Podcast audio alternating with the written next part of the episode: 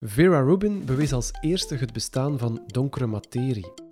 Maar ze is voor MS-onderzoekster Bieke Broeks ook een inspiratiebron voor vrouwelijke wetenschappers die een gezin en een onderzoekscarrière combineren. In deze podcast praat ik met Bieke over Vera, maar ook over het ambitieuze onderzoek van Bieke Broeks zelf naar de oorzaken van MS. Dag Bieke. Dag Kim. Je onderzoekt oorzaken en mogelijke behandelingen van multiple sclerose of MS aan de Universiteit Hasselt. Voor de duidelijkheid misschien eerst, wat is MS precies? Eh, MS of multiple sclerose, dat is een auto-immuunziekte. Uh, een ziekte die de hersenen en het ruggenmerg uh, aantast.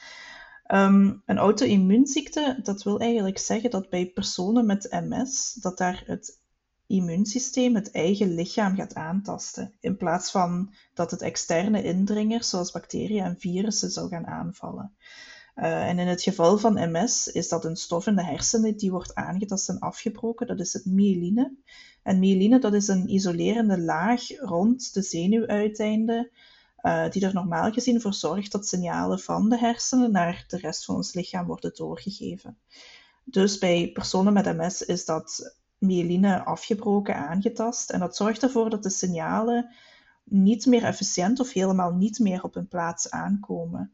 En vandaar hebben personen met MS symptomen zoals verlamming of uh, problemen met het zicht of zelfs cognitieve problemen. Mhm.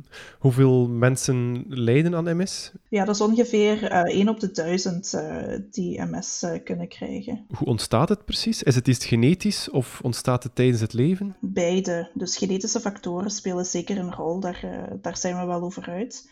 Maar de echte oorzaak of de trigger van de ziekte, dat is nog niet, um, ja, nog niet gevonden. Um, dus hoe ontstaat MS, dat weten we helaas gewoon nog niet. Um, er er zijn verschillende hypotheses dat bijvoorbeeld virussen een aanleiding uh, kunnen geven voor de ziekte, maar meestal is er wel een genetische achtergrond. Uh, we weten dat 30% van het risico om MS te krijgen afkomstig is van genetische factoren. Het feit dat we dat nog niet echt weten, is het een heel mysterieuze aandoening of is er eigenlijk nog niet genoeg onderzoek naartoe gebeurd? Er gebeurt heel veel onderzoek en er is al heel veel onderzoek gebeurd. Um, maar op dit moment uh, denk ik dat onderzoekers, of ja, de voorbije jaren zijn onderzoekers meer en meer op zoek gegaan naar hoe kunnen we die ziekte zoveel mogelijk afremmen of stoppen. Um, en daarvoor moet je niet altijd de oorzaak weten. Uh, nu, er zijn nog altijd heel veel onderzoeksgroepen ook bezig om die oorzaak te identificeren. Maar het is natuurlijk ook belangrijk om patiënten die nu MS hebben, om die te kunnen behandelen. En daar is natuurlijk heel veel energie naartoe gegaan de laatste jaren. Mhm. Je zegt afremmen of stoppen. In welke mate is MS dan nu te behandelen? Ja, dus behandelen. Uh, er zijn, ik denk, bijna twintig uh, goedgekeurde medicamenten op de markt voor patiënten met MS. Ehm, en dat zijn inderdaad medicijnen die de ziekte afremmen soms volledig kunnen stoppen, maar genezen kan niet. En zoals ik uh, al zei, MS is een ziekte die de hersenen wel aantast. Um, en herstel van die afbraak van myeline, dat is op dit moment nog niet mogelijk. Um, dus uh, wat, wat nu wel kan, uh, door die verschillende behandelingsopties, is echt per patiënt gaan kijken wat is voor deze patiënt nu het beste of de beste manier om te gaan behandelen. Dus het kan veel persoonlijker op dit moment um, en veel patiëntgerichter, maar genezen zit er op dit moment nog niet in. Welk aspect van MS onderzoek je zelf? Ik ben echt wel geïnteresseerd om nog altijd die oorzaak te vinden. Um, dus ik, ik onderzoek um, de interactie tussen cellen van het afweersysteem en cellen van de hersenen. Dus een van de eerste gebeurtenissen in de ziekte is dat cellen van het afweersysteem de hersenen binnendringen, uh, doorheen de bloed-hersenbarrière, zoals wij die noemen. Uh, en door die interactie, door dat proces te bestuderen, hopen we aanknopingspunten te kunnen vinden uh, voor therapieën die de ziekte volledig kunnen stoppen. En we denken dat we daarmee, als we daarmee vroeg uh, in de ziekte kunnen ingrijpen, dat dat de ziekte volledig kan lamleggen, voordat er um, te veel schade is aangericht in de hersenen. U onderzoekt de oorzaken, maar het is wel de bedoeling om op termijn nieuwe behandelingen te ontwikkelen die zelfs de ziekte kunnen stoppen, wat nu eigenlijk niet het geval is. Dat klopt. Um, er zijn wel een aantal behandelingen op de markt die de ziekte kunnen in principe of in theorie zouden kunnen stoppen, maar die hebben heel erg veel bijwerkingen. Um, die zijn op dit moment nog niet specifiek genoeg gericht op die afweercellen die de ziekte veroorzaken. Um, die zijn meestal gericht op een algemene populatie van afweercellen die ook verantwoordelijk zijn om um, virale infecties bijvoorbeeld te, te bestrijden. Um, dus als je dat allemaal lam legt, ja, dan uh, is er natuurlijk een grote kans op opportunistische infecties. Dat wil zeggen infecties die een gezonde persoon niet zou doormaken of geen symptomen van zou hebben. Maar een persoon die die behandeling krijgt, kan die dus wel hebben en kan daar ook aan sterven. Dus dat zijn natuurlijk grote risico's die daaraan verbonden zijn. Oké, dan wil ik naar je wetenschapsheldin uh, vragen. Wie is dat voor jou? Dat is wel grappig. Toen je daar naar vroeg de eerste keer, um, heb ik daar toch wel een tijdje over moeten nadenken, om, om eerlijk te zijn. Um, ik kon niet meteen iemand bedenken, omdat er was niet echt een uh, vrouwelijke wetenschapper die mij gestuurd heeft uh, richting de wetenschap. Um, en als ik dan denk aan vrouwelijke wetenschappers waar ik nu wel naar opkijk, dan zijn dat meestal vrouwen zonder kinderen. Of vrouwen die wel kinderen hebben, maar die dan een groot deel van de opvoeding van die kinderen overlaten aan anderen. En um, dat is eigenlijk niet het beeld van een vrouwelijke toponderzoeker, zeg maar, dat ik zelf wil promoten. En vandaar dat ik toch echt wel ben moeten gaan zoeken uh, naar iemand die dat beeld wel uh, heeft waargemaakt. En dat is Vera Rubin. Wie is Vera Rubin? Ja, Vera Rubin is uh, of was een Amerikaanse astronome. Um, ze is op 88-jarige leeftijd een aantal jaar geleden gestorven. En Vera Rubin is eigenlijk um, iemand die als eerste bewijs heeft kunnen leveren voor het bestaan van donkere materie. En, en ze heeft heel veel uh, theorieën ontwikkeld en zo verder, die over de jaren heen hebben stand gehouden en nu nog steeds worden gebruikt door heel veel uh, wetenschappers. Mm Je zegt als eerste ontdekte ze het bestaan van donkere materie. Hoe deed ze dat precies? Ja, Um, dus ze bestudeerde eigenlijk de sterrenstelsels, bijvoorbeeld uh, het Andromeda-sterrenstelsel, en ze ging kijken naar de snelheden van alle componenten in die stelsels. Dus dat heet dan de rotatiesnelheden. En ze had eigenlijk gezien dat de buitenste componenten van die stelsels even snel bewogen dan de binnenste componenten. Uh, en, en dat resulteerde in wat men in de astronomie vlakke rotatiecurves noemt. Um, en op basis van de huidige, of, of op dat moment de theorieën rond uh, zwaartekracht en gebaseerd op zwaartekracht, zouden die sterrenstelsels daardoor uit elkaar moeten spatten. Maar die werden dan toch bij elkaar gehouden. En dat was niet te verklaren op dat moment. En zo heeft ze dan beredeneerd dat er een soort van onzichtbare, donkere materie moet zijn die die sterrenstelsels samenhielden. Mm Je zei het al een beetje waarom ze jouw wetenschapsheldin is, maar kan je dat nog, nog meer uh, omkaderen? Waarom is ze een heldin? Ja, voor mij is ze een heldin omdat ze eerst en vooral natuurlijk zich een weg heeft gebaand door een uh, ja, overheersend mannelijke wereld toch wel van de astronomie. Um, dat, ze trok haar daar niet zo heel veel van aan. Ze was eigenlijk vooral geïnteresseerd uh, in die astronomie en gedreven door nieuwsgierigheid. Dus dat was haar voornaamste drijfveer. Um, en natuurlijk bewonder ik ook haar moederschap in, in de wetenschap. Uh, dus ze had vier kinderen. En die hebben dan ook elk uh, vanaf de eerste lijn kunnen meemaken hoe ze haar onderzoek deed en hoe gepassioneerd ze daardoor was. En ze gaf zelf ook wel aan dat dat moederschap, om dat te combineren met toponderzoek, dat dat niet makkelijk was, maar wel dat dat doable was. Zo heeft ze het gezegd. Um, en ze vond het dan ook wel haar taak om jongeren en vooral meisjes ook aan te zetten om zelf ook de wetenschap in te gaan. En daardoor uh, komt het eigenlijk ook dat alle vier haar kinderen zelf ook nog eens een doctoraat behaald hebben in de wetenschappen. Dus ze was echt wel een inspiratie. Uh, dus vandaar is ze wel echt mijn wetenschapsheldin. Ja, want haar keuze voor astronomie als vrouw, uh, zeker in de jaren 50, was helemaal niet vanzelfsprekend. Nee, nee, dat klopt. Uh, dus ze is eigenlijk beginnen uh, of studeren aan uh, Vassar College. En dat was een, een college voor enkel vrouwen. En in haar jaar was ze de enige die afstudeerde in de richting astronomie.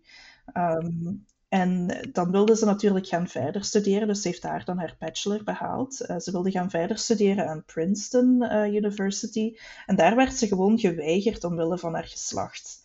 Uh, dus echt vlak af een weigering. En dan is ze toch blijven zoeken, want het was natuurlijk haar ultieme passie. en dan is ze gaan studeren aan Cornell University. Daar heeft ze haar master behaald. Terwijl ze eigenlijk ondertussen al moeder was geworden van haar eerste kind. Uh, en toen, ja, op haar 23ste, toen ze zwanger was van haar tweede kind, is ze aan haar doctoraatstudies begonnen. Ook allemaal helemaal niet evident als je dat extrapoleert naar de huidige tijd. Um, ze heeft dan haar doctoraat behaald aan Georgetown University in 1954. En dat was eigenlijk wel opnieuw met een controversiële thesis, um, die in die mannelijke wereld heel lang gewoon genegeerd is geweest, maar eigenlijk na twintig jaar pas uh, opnieuw is opgepikt geweest door andere onderzoekers. Vera Rubin streed inderdaad haar, haar hele carrière voor meer en betere mogelijkheden voor vrouwen in de astronomie. Uh, ze probeerde ook meisjes uh, warm te maken voor wetenschap en astronomie. Wat heeft ze betekend voor, voor vrouwen in de wetenschap? Ja, dus eerst en vooral um, heeft ze natuurlijk een weg vrijgemaakt voor heel veel vrouwen in de wetenschap, voor heel veel meisjes in de wetenschap, in de astronomie. Maar ik denk ook gewoon uh, in de wetenschap in het algemeen. Um, en, en heel belangrijk vind ik toch wel opnieuw dat moederschap daarbij. Ze heeft ervoor gezorgd dat um, moeders, uh, ja, misschien toch die, die stap durven zetten naar de wetenschap. En ze heeft aangetoond dat het inderdaad toch wel haalbaar is om toponderzoek te combineren met het moederschap. Dat moederschap dat was toen een uitzondering uh, om, om daar een geslaagde combinatie in te vinden. Is dat nu nog altijd zo? Het is, ja, dus ik ben zelf ook moeder van, uh, van twee jonge dochters van, van twee jaar en vier jaar. Um, dus dat, dat klopt, dat is moeilijk. Uh, maar zoals zij eigenlijk zei, het is doable. En, en natuurlijk zijn er al veel stappen gezet sinds de jaren 50, waar we het, waar we het dan over hebben. Um, er zijn heel veel uh, steunmaatregelen voor moeders natuurlijk, maar ook voor jonge vaders, voor gezinnen in het algemeen. Uh, dus ik denk zeker dat het makkelijker geworden is, maar het blijft een uitdaging en ik denk dat er toch nog wel heel veel dingen te verbeteren zijn. Mm -hmm. Is die combinatie moeder zijn, uh, carrière uitbouwen, ook vandaag nog de hoofdreden waarom vrouwen moeilijker doorgroeien in de wetenschap naar de topfuncties? Ja, um, ik denk dat dat wel een van de grootste redenen is. Um, er zullen zeker andere redenen zijn. Um, maar wat je dus inderdaad ziet, wat jij aanhaalt, is dat als je puur kijkt naar de cijfers binnen de academische wereld, uh, dus als je de percentages zou uitzetten, uh, vrouwen versus mannen op bepaalde stappen in hun carrière, van doctoraatstudent naar uh, het ultieme, gewoon hoogleraar bijvoorbeeld, um, dan kom je uit op een schaarmodel, zoals dat heet. Dus um, er is steeds een stijging van het percentage mannen en een daling van het percentage vrouwen. Dus bij elke stap vallen er vrouwen uit. Um, dus er is een drop-out op elke stap uh, die gezet wordt in de academische wereld. En een van de dingen die, die daar natuurlijk heel, heel fel in meespelen, is dat op het moment dat je een belangrijke stap wil zetten in je carrière in een academische setting, dat valt eigenlijk gelijk met het moment dat je een gezin opstart. Dus bijvoorbeeld de stap van postdoctoraal onderzoeker naar, um, naar prof, naar assistant professor. Um, dat is ongeveer op de leeftijd van 30 à 35 jaar. En dat is natuurlijk het moment dat heel veel mensen een gezin opstarten en voor jonge kinderen moeten zorgen. En die zorgtaak die valt toch nog altijd wel vooral uh, ja, ten laste van de vrouw.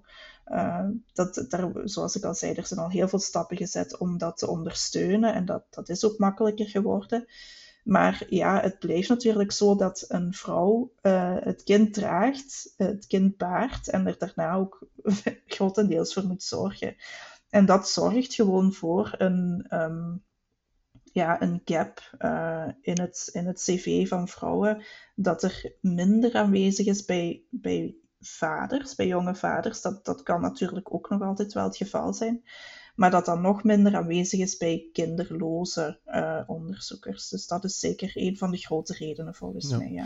Je zet je net als Vera Rubin, ook in voor meer gendergelijkheid uh, aan de universiteiten, aan de onderzoeksinstellingen.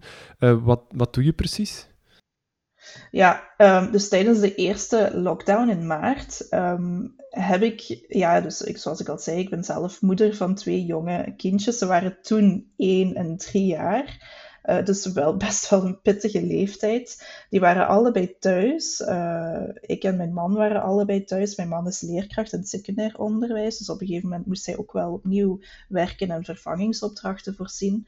Um, dus ik merkte wel dat, dat, dat die combinatie met thuiswerken gewoon extreem moeilijk was. Um, en toen ben ik op zoek gegaan naar ja, wat gelijkgestemden aan de Universiteit Hasselt of, of mensen waarmee ik kon babbelen daarover. En ik vond dat eigenlijk niet meteen. Ik vond niet meteen een vereniging of, of een netwerk van, van moeders in, in, de, ja, in de onderzoekswereld of in de academische wereld.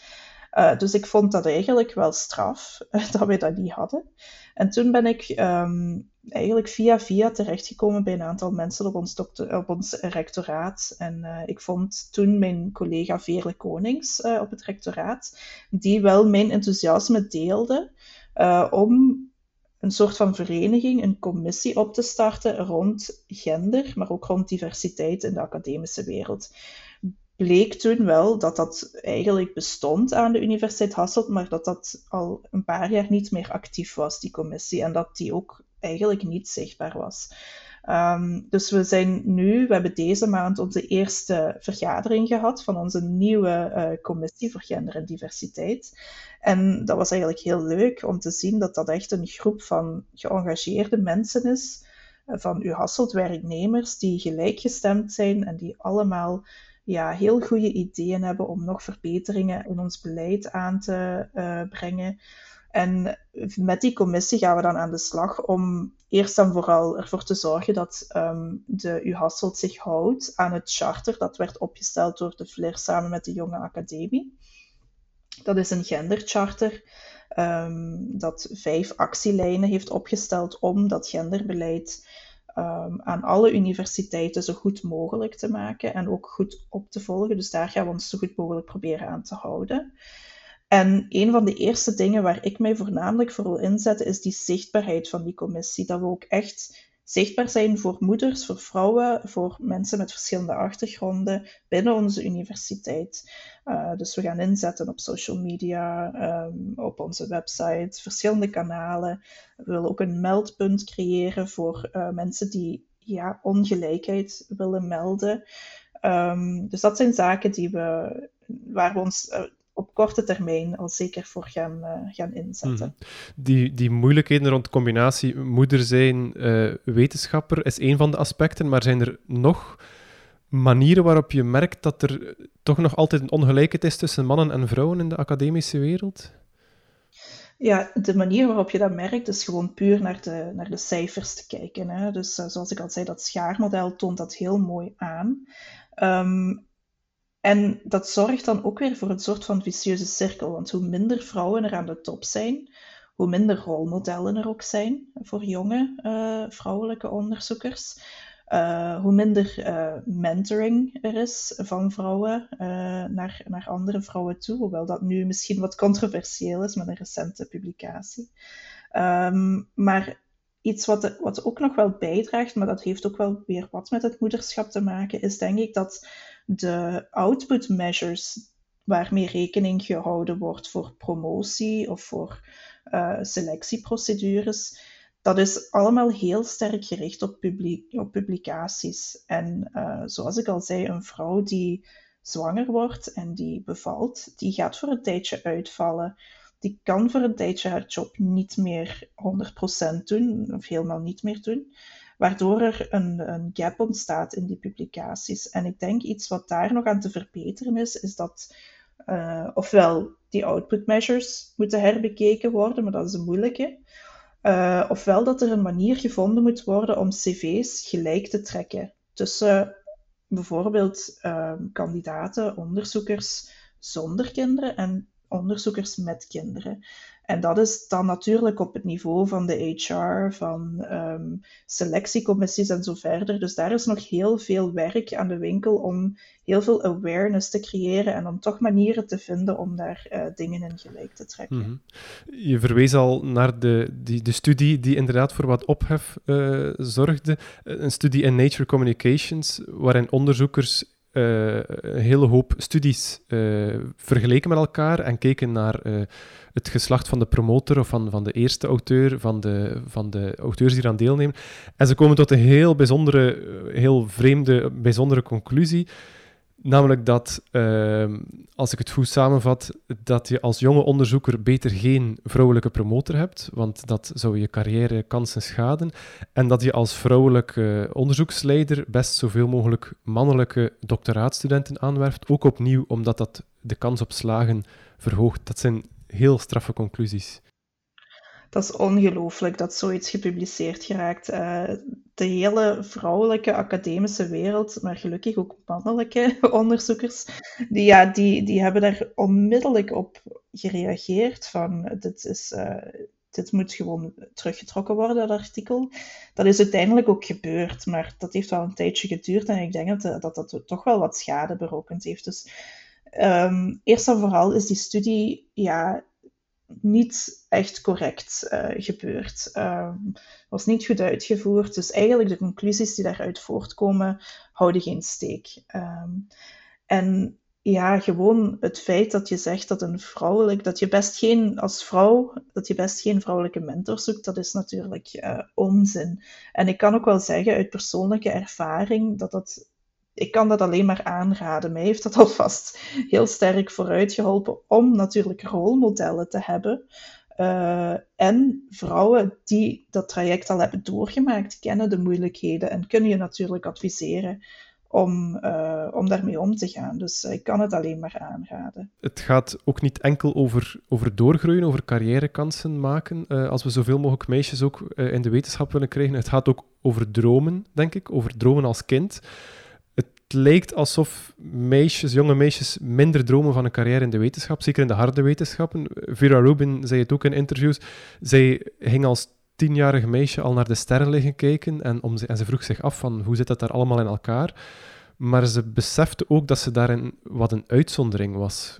Hoe, hoe komt dat volgens jou? Ja, dat klopt. Ik heb daar ook al, al heel vaak over nagedacht. Dat, dat begint met stereotypen, denk ik. Hè. En, en dat begint al op heel jonge leeftijd. Ik zie dat bij mijn dochtertjes. Uh, toen mijn, mijn oudste dochter, ik denk ja, twee of drie jaar was, had zij al echt die stereotypen van man en vrouw in haar hoofd. Dus dat begint echt heel vroeg. En ik ben er mij thuis best wel bewust van om die stereotypen niet door te geven. Dus ik, ik, ik doe er echt mijn best voor om dat niet te doen. Uh, en ik zie dan ook wel sinds ze naar school aan het gaan is, sinds ze naar de kleuterklas gaat, dat er toch wel dingen zijn waardoor dat die stereotypen um, aan bod komen of, of ingeprent worden. Um, ik wil natuurlijk ook niet alle schuld op de scholen schuiven, want die hebben het uh, al moeilijk genoeg. Maar als er dan bijvoorbeeld voor moederdag het thema, een thema wordt uh, gedaan in de klas en ze doen dan aan wasplooien, dan stel ik me daar toch wel grote vragen bij. Um, of als ze voor vaderdag ja, klusjes gaan doen, zo'n zaken, ja, dat zijn echt stereotypen en die moeten eruit. Maar daar is natuurlijk een hele mentaliteitswijziging voor nodig over de hele bevolking, de hele samenleving. Dus dat, dat heeft tijd nodig en we hebben al heel veel stappen gezet. Maar dat zit er toch nog altijd in, dat klopt, ja. Dat zijn stereotypen. Ik denk ook dat dat niet altijd bewust, of zelfs meestal niet bewust, wordt doorgegeven. Dat dat iets is eh, wat, er, wat we bijna vanzelfsprekend vinden. Dat een meisje met poppen speelt, jongens met auto's. Ja, dat klopt. Dat klopt. Dus dat is iets waar ik mij wel persoonlijk bewust van probeer te houden. Uh, om dat dan alvast niet te doen. Uh, om, om aan te geven, ja, jongens kunnen ook met poppen spelen, meisjes mogen gerust met auto's spelen. Um, maar ja, ik denk dat dat ook wel te maken heeft bijvoorbeeld met, met afbeeldingen in boeken, um, dingen die ze zien, ja, of, of dingen die ze zien bij, bij vriendjes, bij vriendinnetjes. Uh, ja, de hele wereld zit vol met stereotypen en dat is natuurlijk niet op 1, 2, 3 opgelost. Nu zijn er wel vaak campagnes om meisjes richting stemrichtingen te krijgen. Die situeren zich vaak aan dan in de lagere school of in de middelbare school.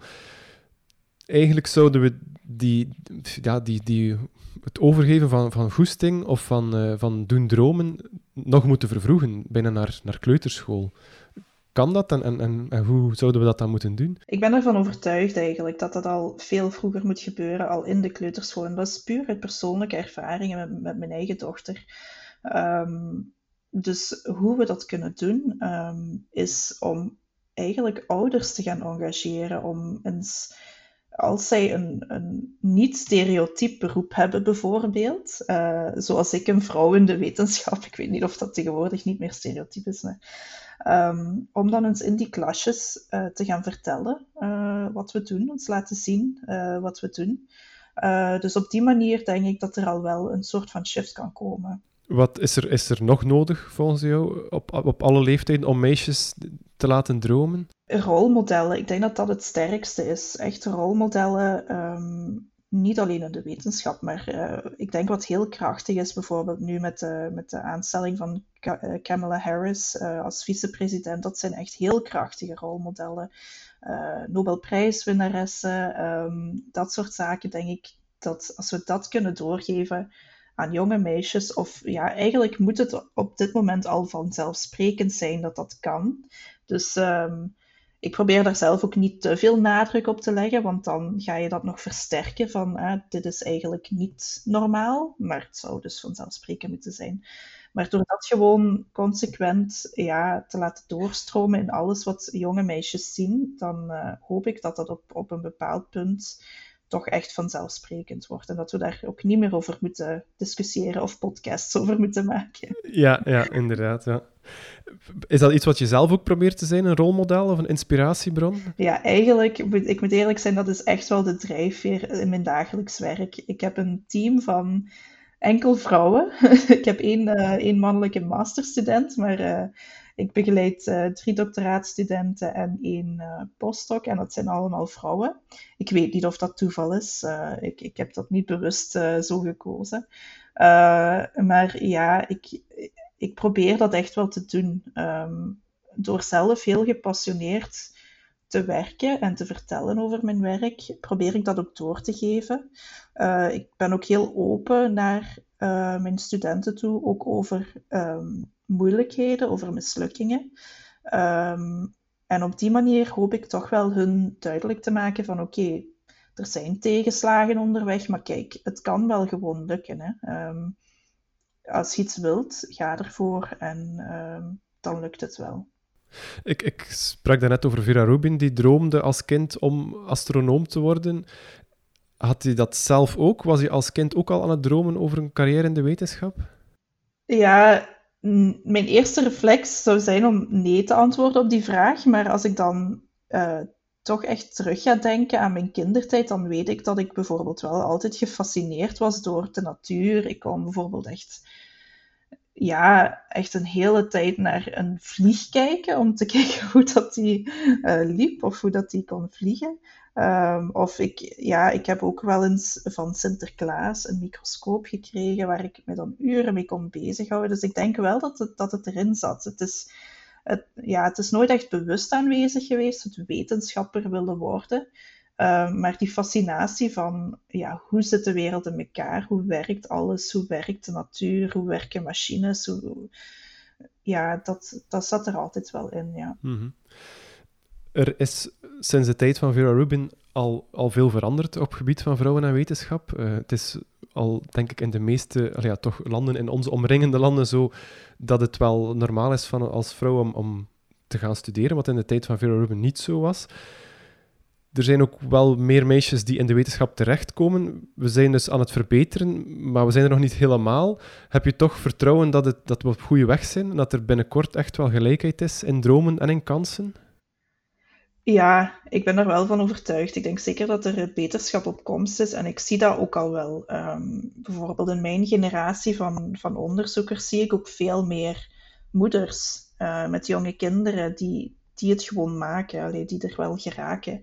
Um, dus mits voldoende ondersteuning, uh, mits nog wat werken aan die awareness, ehm, denk ik wel dat we er zeker gaan komen. Wanneer, dat weet ik niet. uh, maar die gelijke cijfers die zitten eraan te komen. En op dat moment natuurlijk, als, je, als de helft van alle ehm, personen in de hoogste rangen um, van één enzelfde geslacht zijn, dan gaat dat natuurlijk ook meer rolmodellen creëren. En dan gaat dat allemaal gewoon vanzelfsprekend worden. En dan, dan zijn we er. Ja, Oké, met dat uh, hoopvolle vooruitzicht uh, wil ik dan uh, afronden.